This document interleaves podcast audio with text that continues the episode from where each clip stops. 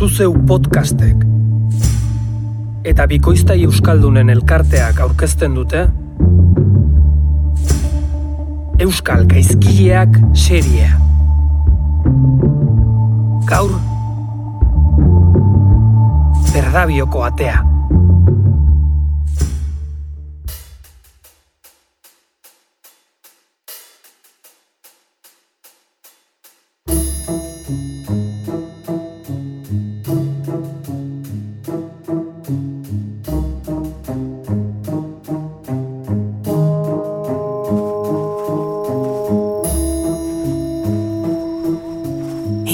Hi, zeote dikonek eskuartean.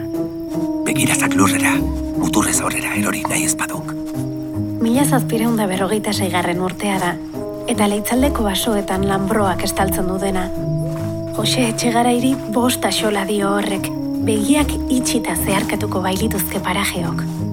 Azkarri bilei mutilak, bere alagaituk. Etxegarai, berdabio izenez ezagunagoa, elizgizon ugari eman dituen familia bateko semea da. Azkarra, badaki zertan dabilen. Baina laguntzaileak behar ditu ordea, eskuartean duena aurrera eramateko. Garrantzitsua da konfiantzazko lagunak izatea.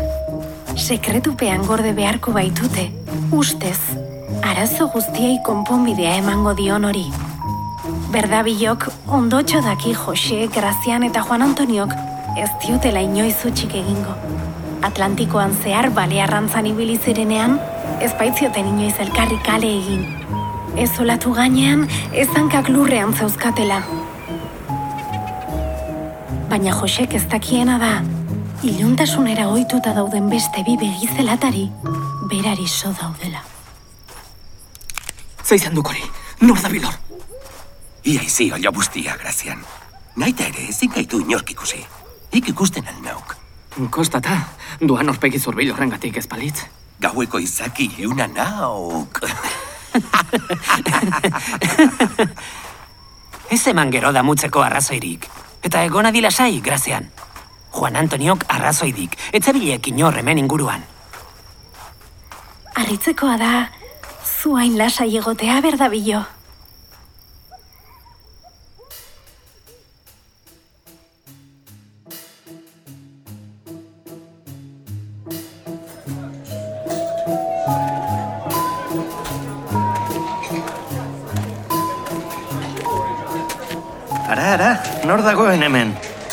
Ezintuan hemen espero, Trabuko, aspaldiko.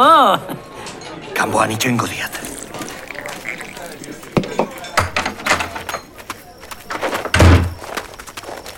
Ze nahi duk oraingoan, Trabuko. Jo? Zerbait eskaini behar aldidak ba? Trabuko, zer kekarri hau ona. Ire laguna izan nahi diat. Berda bilo bilotzekoa. Nahiago nikek deabrua izan adiskide. Aberats izan nahi diat, berda bilo. I bezala.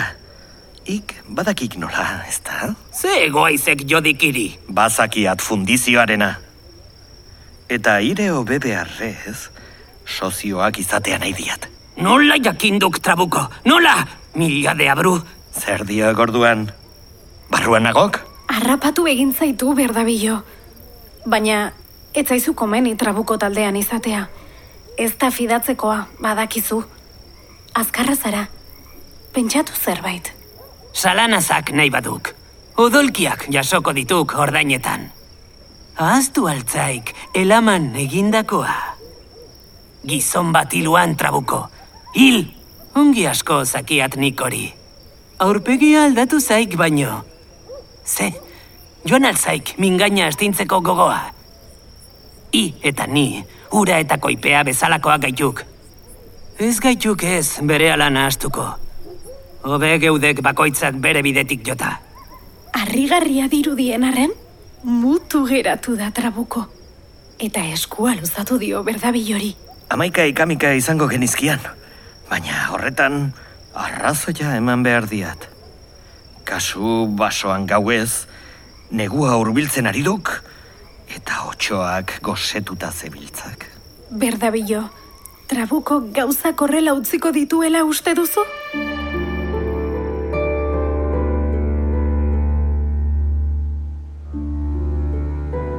horretan dago lesakako eliza, eta bertan urrea balio duten zilarrezko eta kobrezko hainbat gauza daude, jaungoikoaren zaintzapean. Jainkoarenean besterik ez ordea, ez baitirudi guardiarik dagoenik. Gazte garaira itzultzea bezalakoa dok. Orduan lasterka eta iesean pasatzen genian egun santu osoa. Orain bezala, eh? Ik bai jakin, zerura ekarri gaituk. Aitza aitari, semeari eta espiritu santuari. Askorako emango digu gaurkoak, bai. Aberastu egingo gaituk. Baina ezin diagu denbora gehiagi eman. Harrapatu egingo gaituzte bestela. Bai, nagusi.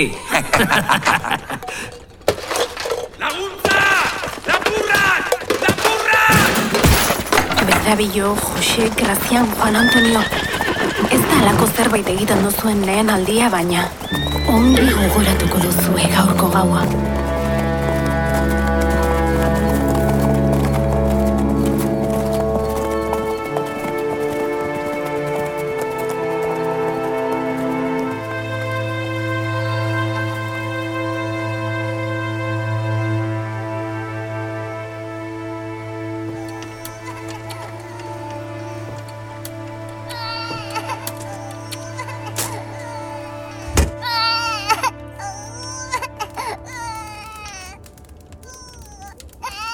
Gauerdia pasata eta gizon hau, gizon hau ez da egun osoan azaldu. Maite, ez egin negarrik. Shhh. Zurekin nago, bai? Jazinta, berdabioren emaztea da. Bost seme alaba dituzte. Jakingo banu sikiera non dabilen. Nondik ekarri dituen realez betetako poltsa hauek guztiak. Baina azken aldian aitak denbora gutxi pasatzen du baserrian. Berak ere ondotxo daki diru horrekin ez duela zuen maitasuna erosiko. Non ibiliko da ja, Joaquin. Martxa hontan ez duzu ezagutu ere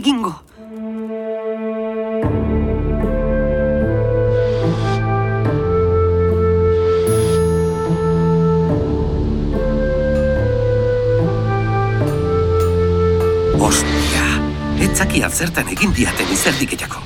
Lesakako elizatik ona zilarrezko trastez betetako zaku hori ekartzen, edo fundizio alu honetan.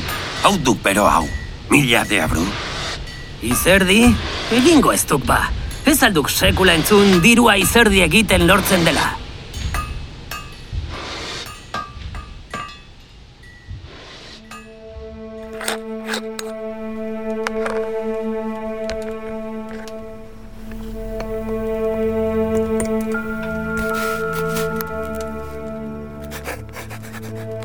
Lesakako alkate naizen aldetik, zure gana zuzentzen naiz, goizuetako alkate txitgoren hori, gure herrian gertatutako lapurreta baten berri emateko. Lau lagunek, zilarrezko eta kobrezko hainbat gauza lapurtu dituzte gure Eliza santutik. Eta zure lurretan bizi diren lau lagun salatzen ditu udalonek. Josef de Etxegarai, Josef de Kilaberri, Grazian de Etxeberria eta Juan Antonio de Navas. Haiek atxilotzeko eskaera luzatzen dizut, epaiketa bat ospatu eta justizia egin dadin. Lapurreta esan dute?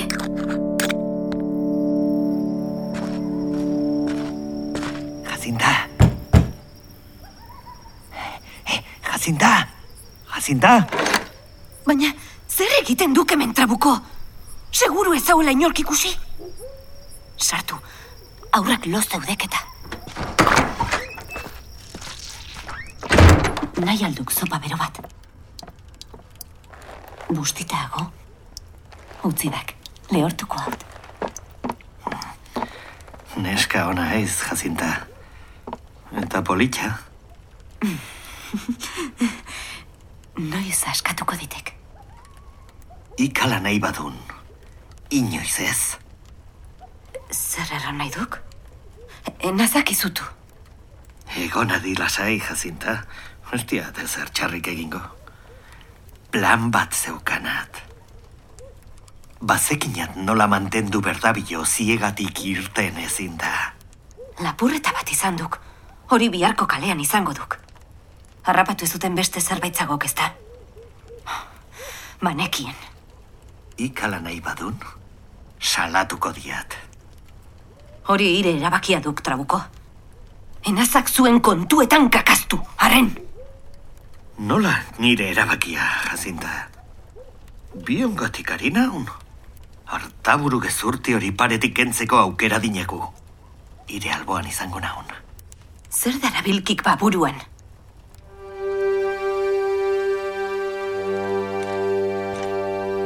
Boteretsu sentitzen da trabuko. Alaxe erakusten dute herriko presondegira daramaten pauso irmoek. Dirua, jazintaren maitasuna, segurtasuna, zer gehiago nahi du. Hori bai, oraindik ez du ez bata, ez beste alortu. Zer egiten duk hemen traboko? Informazio baliotsua zekarreat. Zeren inguruan? Hor atxilotuta dituan lau zarpailei buruzkoa. Horien argitua zago dagoenekoz. Lau harrapari ziztrin besterik ez dituk. Ezpa, zuaitzak ez dik basoa ikusten uzten. Berdabilo eta bere mutilak harrapari hutsak baino gehiago dituk. Berdabillo? Piku txortena baino motzagoa duketa. Impresio hori emango dik, baino itani baino dezente biziagoa duk. Ea, azaldu iezadak. Zergatikago hi hemen guardia egiten. Zertarako egiten duk lan. Etxera bost kuarto eraman ahal izateko. Sei seme alaba dizkiat, sei. Eta bizarrenek etxeko idiek baino gehiago jaten ditek. Eta sosak lortzeko lan egin beharrean, erorrek sosak egingo baitu. Nola sosak egin. Ez duk ba pentsatuko berdabilo elizetan lapurtutako piezak anemenka saltzen ibiltzen denik, ezta? Etxe inguruko kobazulo batean fundizio bat egin ditek. Bertan, lapurtutako piezak urtu eta erreal faltsuak egiteko. Adarra jotzen ari aiztrabuko. Egia balitz izango genuke horren berri. To! Txampon hauek, ez dituk egiazkoak, baina haiekin erosi alduana bai. Eta izan ezak gauza bat garbi. Ni enauk hemen egon. Nik etzakiat ezer, ni enauk existitzen. Ulertu duk? Gau ona izan, Sebastian. Trabuko, baldakizu nor salatu berri duzun.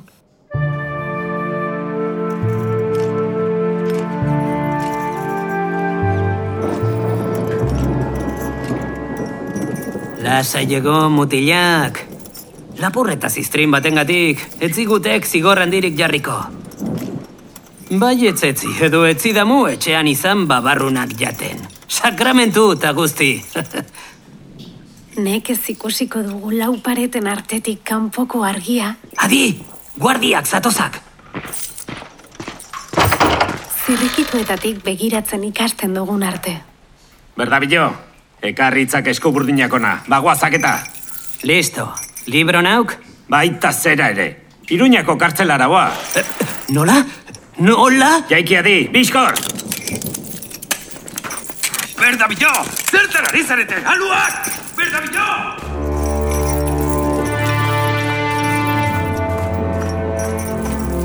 Ze gertatu duk? Zergatik, iruñera? Erantzuidak, Sebastian, hainbeste mereziko diat ba. Salatu egin haute, Jose. Bazekiagu diru faltsua egiten duala. Berdabilo kondotxo daki ez dela irukotea izan. Eskua sutan jarriko luke. Nor izan duk? Ostia, Sebastian, ezaguna gaituk txikitatik. Esaidak, zenbat ordaindu ditek. Osta xola zaik. Ustezko diru faltsu horretako eskukada bat txampon pagatuko nikek informazio horrengatik. Eh, Sebastian, lagun zahar hori? Trabuko.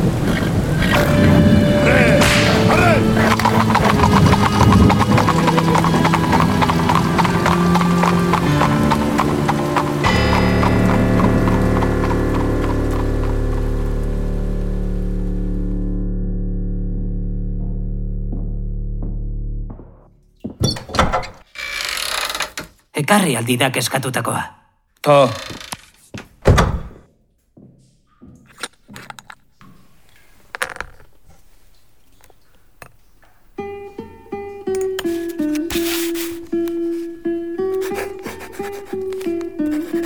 Muturreko egoeretan, muturreko soluzioak besterik ez ditugu behar. Berdabilok badaki arriskatzea dagokiola, ez daki nola bukatuko den hau guztia. Baina dena galduta dagoenean, Trabuko, ongi, ongi, oroitu adi, zer egin nuen elaman, burdinolan. Defuntu horrek izaterik balu, jarraituko likek lesakan. Eta, gogoratu, ze hitzartu genian guk ostatuan. Kenduzak gure aurkako salaketa, nik ire aurkako egitea nahi ez baduk. Ik ikusi. Bestela, orain baino lehen egongo aiz, ni orain nagoen atakan.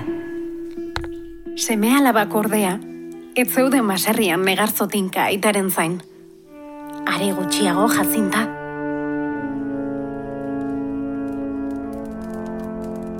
Mila teatro. Berdabilok bazakik nik salatu nuela. Baina nola enteratu duk? Esan zenidan... Horrek orain ez dinaxola. Salaketa erretiratzera joan behar dinat. Baina nola egingo duk hori? Salaketa erretiratzen baduk, iruzpalau egunen buruan, hemen azalduko duk, eta akabatuko hau. Goazeman. Goazeman zer? Nora? I eta ni urrutira. Bai zera? Eta umeak? Eta xoxak? Umeak, gurekin eramango dizkinegu. Eta fundiziotik atera genizkinan errealekin, bizi berri bat hasi zezakenagu bortuz gaindi. Aldude partean. Pentsazan, jazinta, bizi berri bat.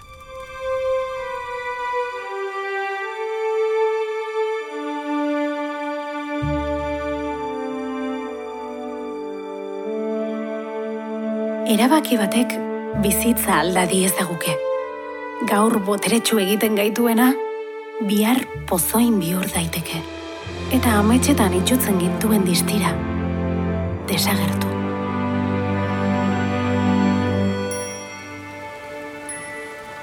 Trabukok salaketa erretiratu zuen, eta lau lagunak kalera atera. Libre bai, baina pobre. Aske, baina sostengo ematen zien jardunean ezin jarraituta.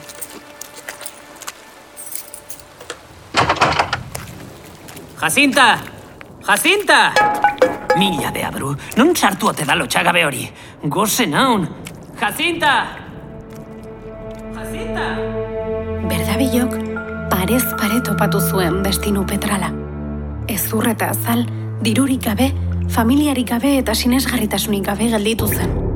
Eta hala hiltzen, miseria gorrian. Trabuko berriz, jazintarekin batera desagertu egin zen. Lurrak irentsi balitu bezala. Inorketzuen beren berri gehiago izan. Batzuk eta besteak, gure memorian gordeta daude ordea. Gure herriko historiaren parte dira. Ahozao eta notaz nota, bizirik mantendu baitako izuetako lagunen istorioa, zein historia.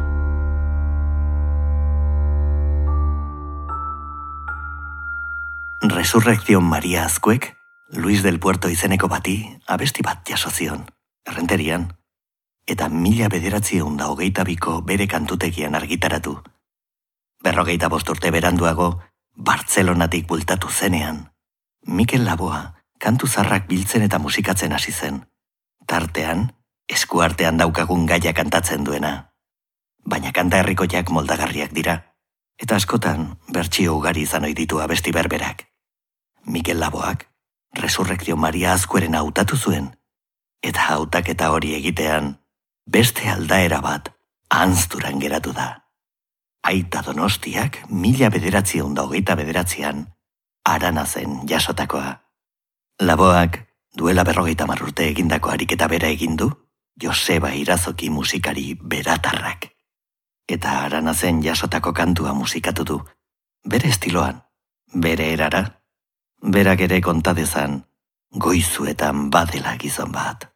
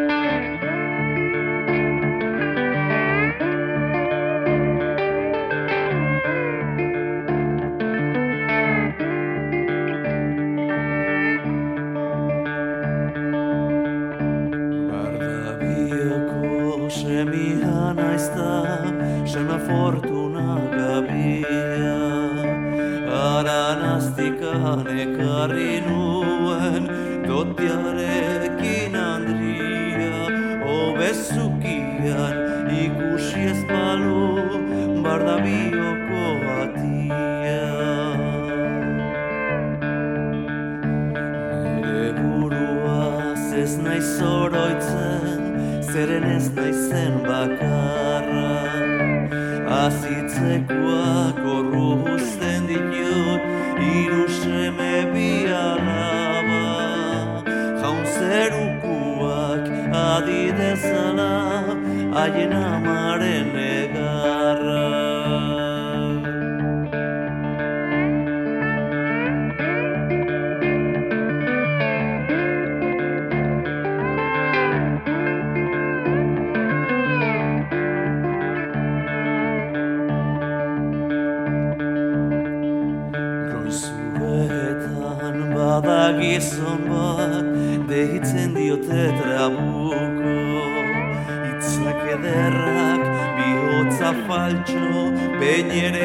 Jo faltako Arkegin ditan diligentzia Sekulan etzaitan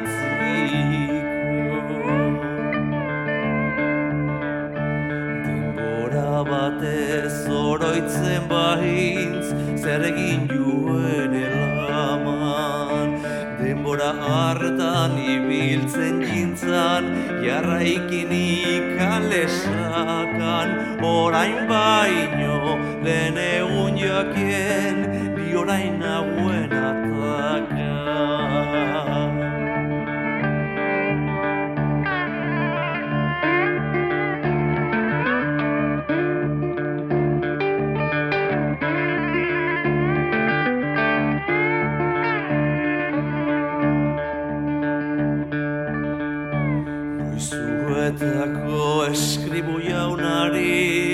eskerrik asko barkatu Informazioak onak diguzu luñerako prestatu. Mundu honetan edo bertzian biharko juzu pagatu. Zorriak tarkakusuak, arrotontxuak nagusi Denbora batez erran bihartzuenak, hau bihar nuelan ikusi. Zeruko aita lagun nazazu, ezin nengoak eigesi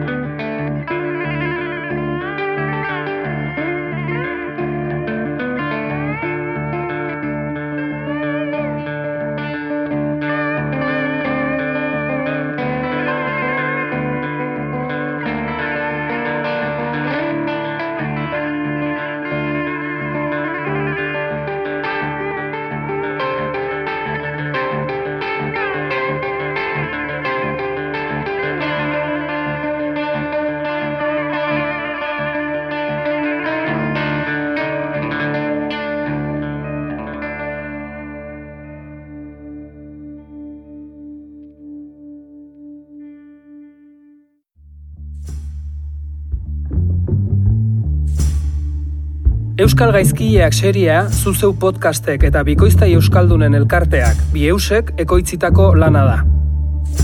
Lantalde handia dago atzean. Zuzendaritza eta gidoia Beñat Jatxenbarek. Soinu eta musika diseinua Inigo Etxarri, In Estudioa. Bikoizketa zuzendaria Xavier Alkiza. Ahotsak.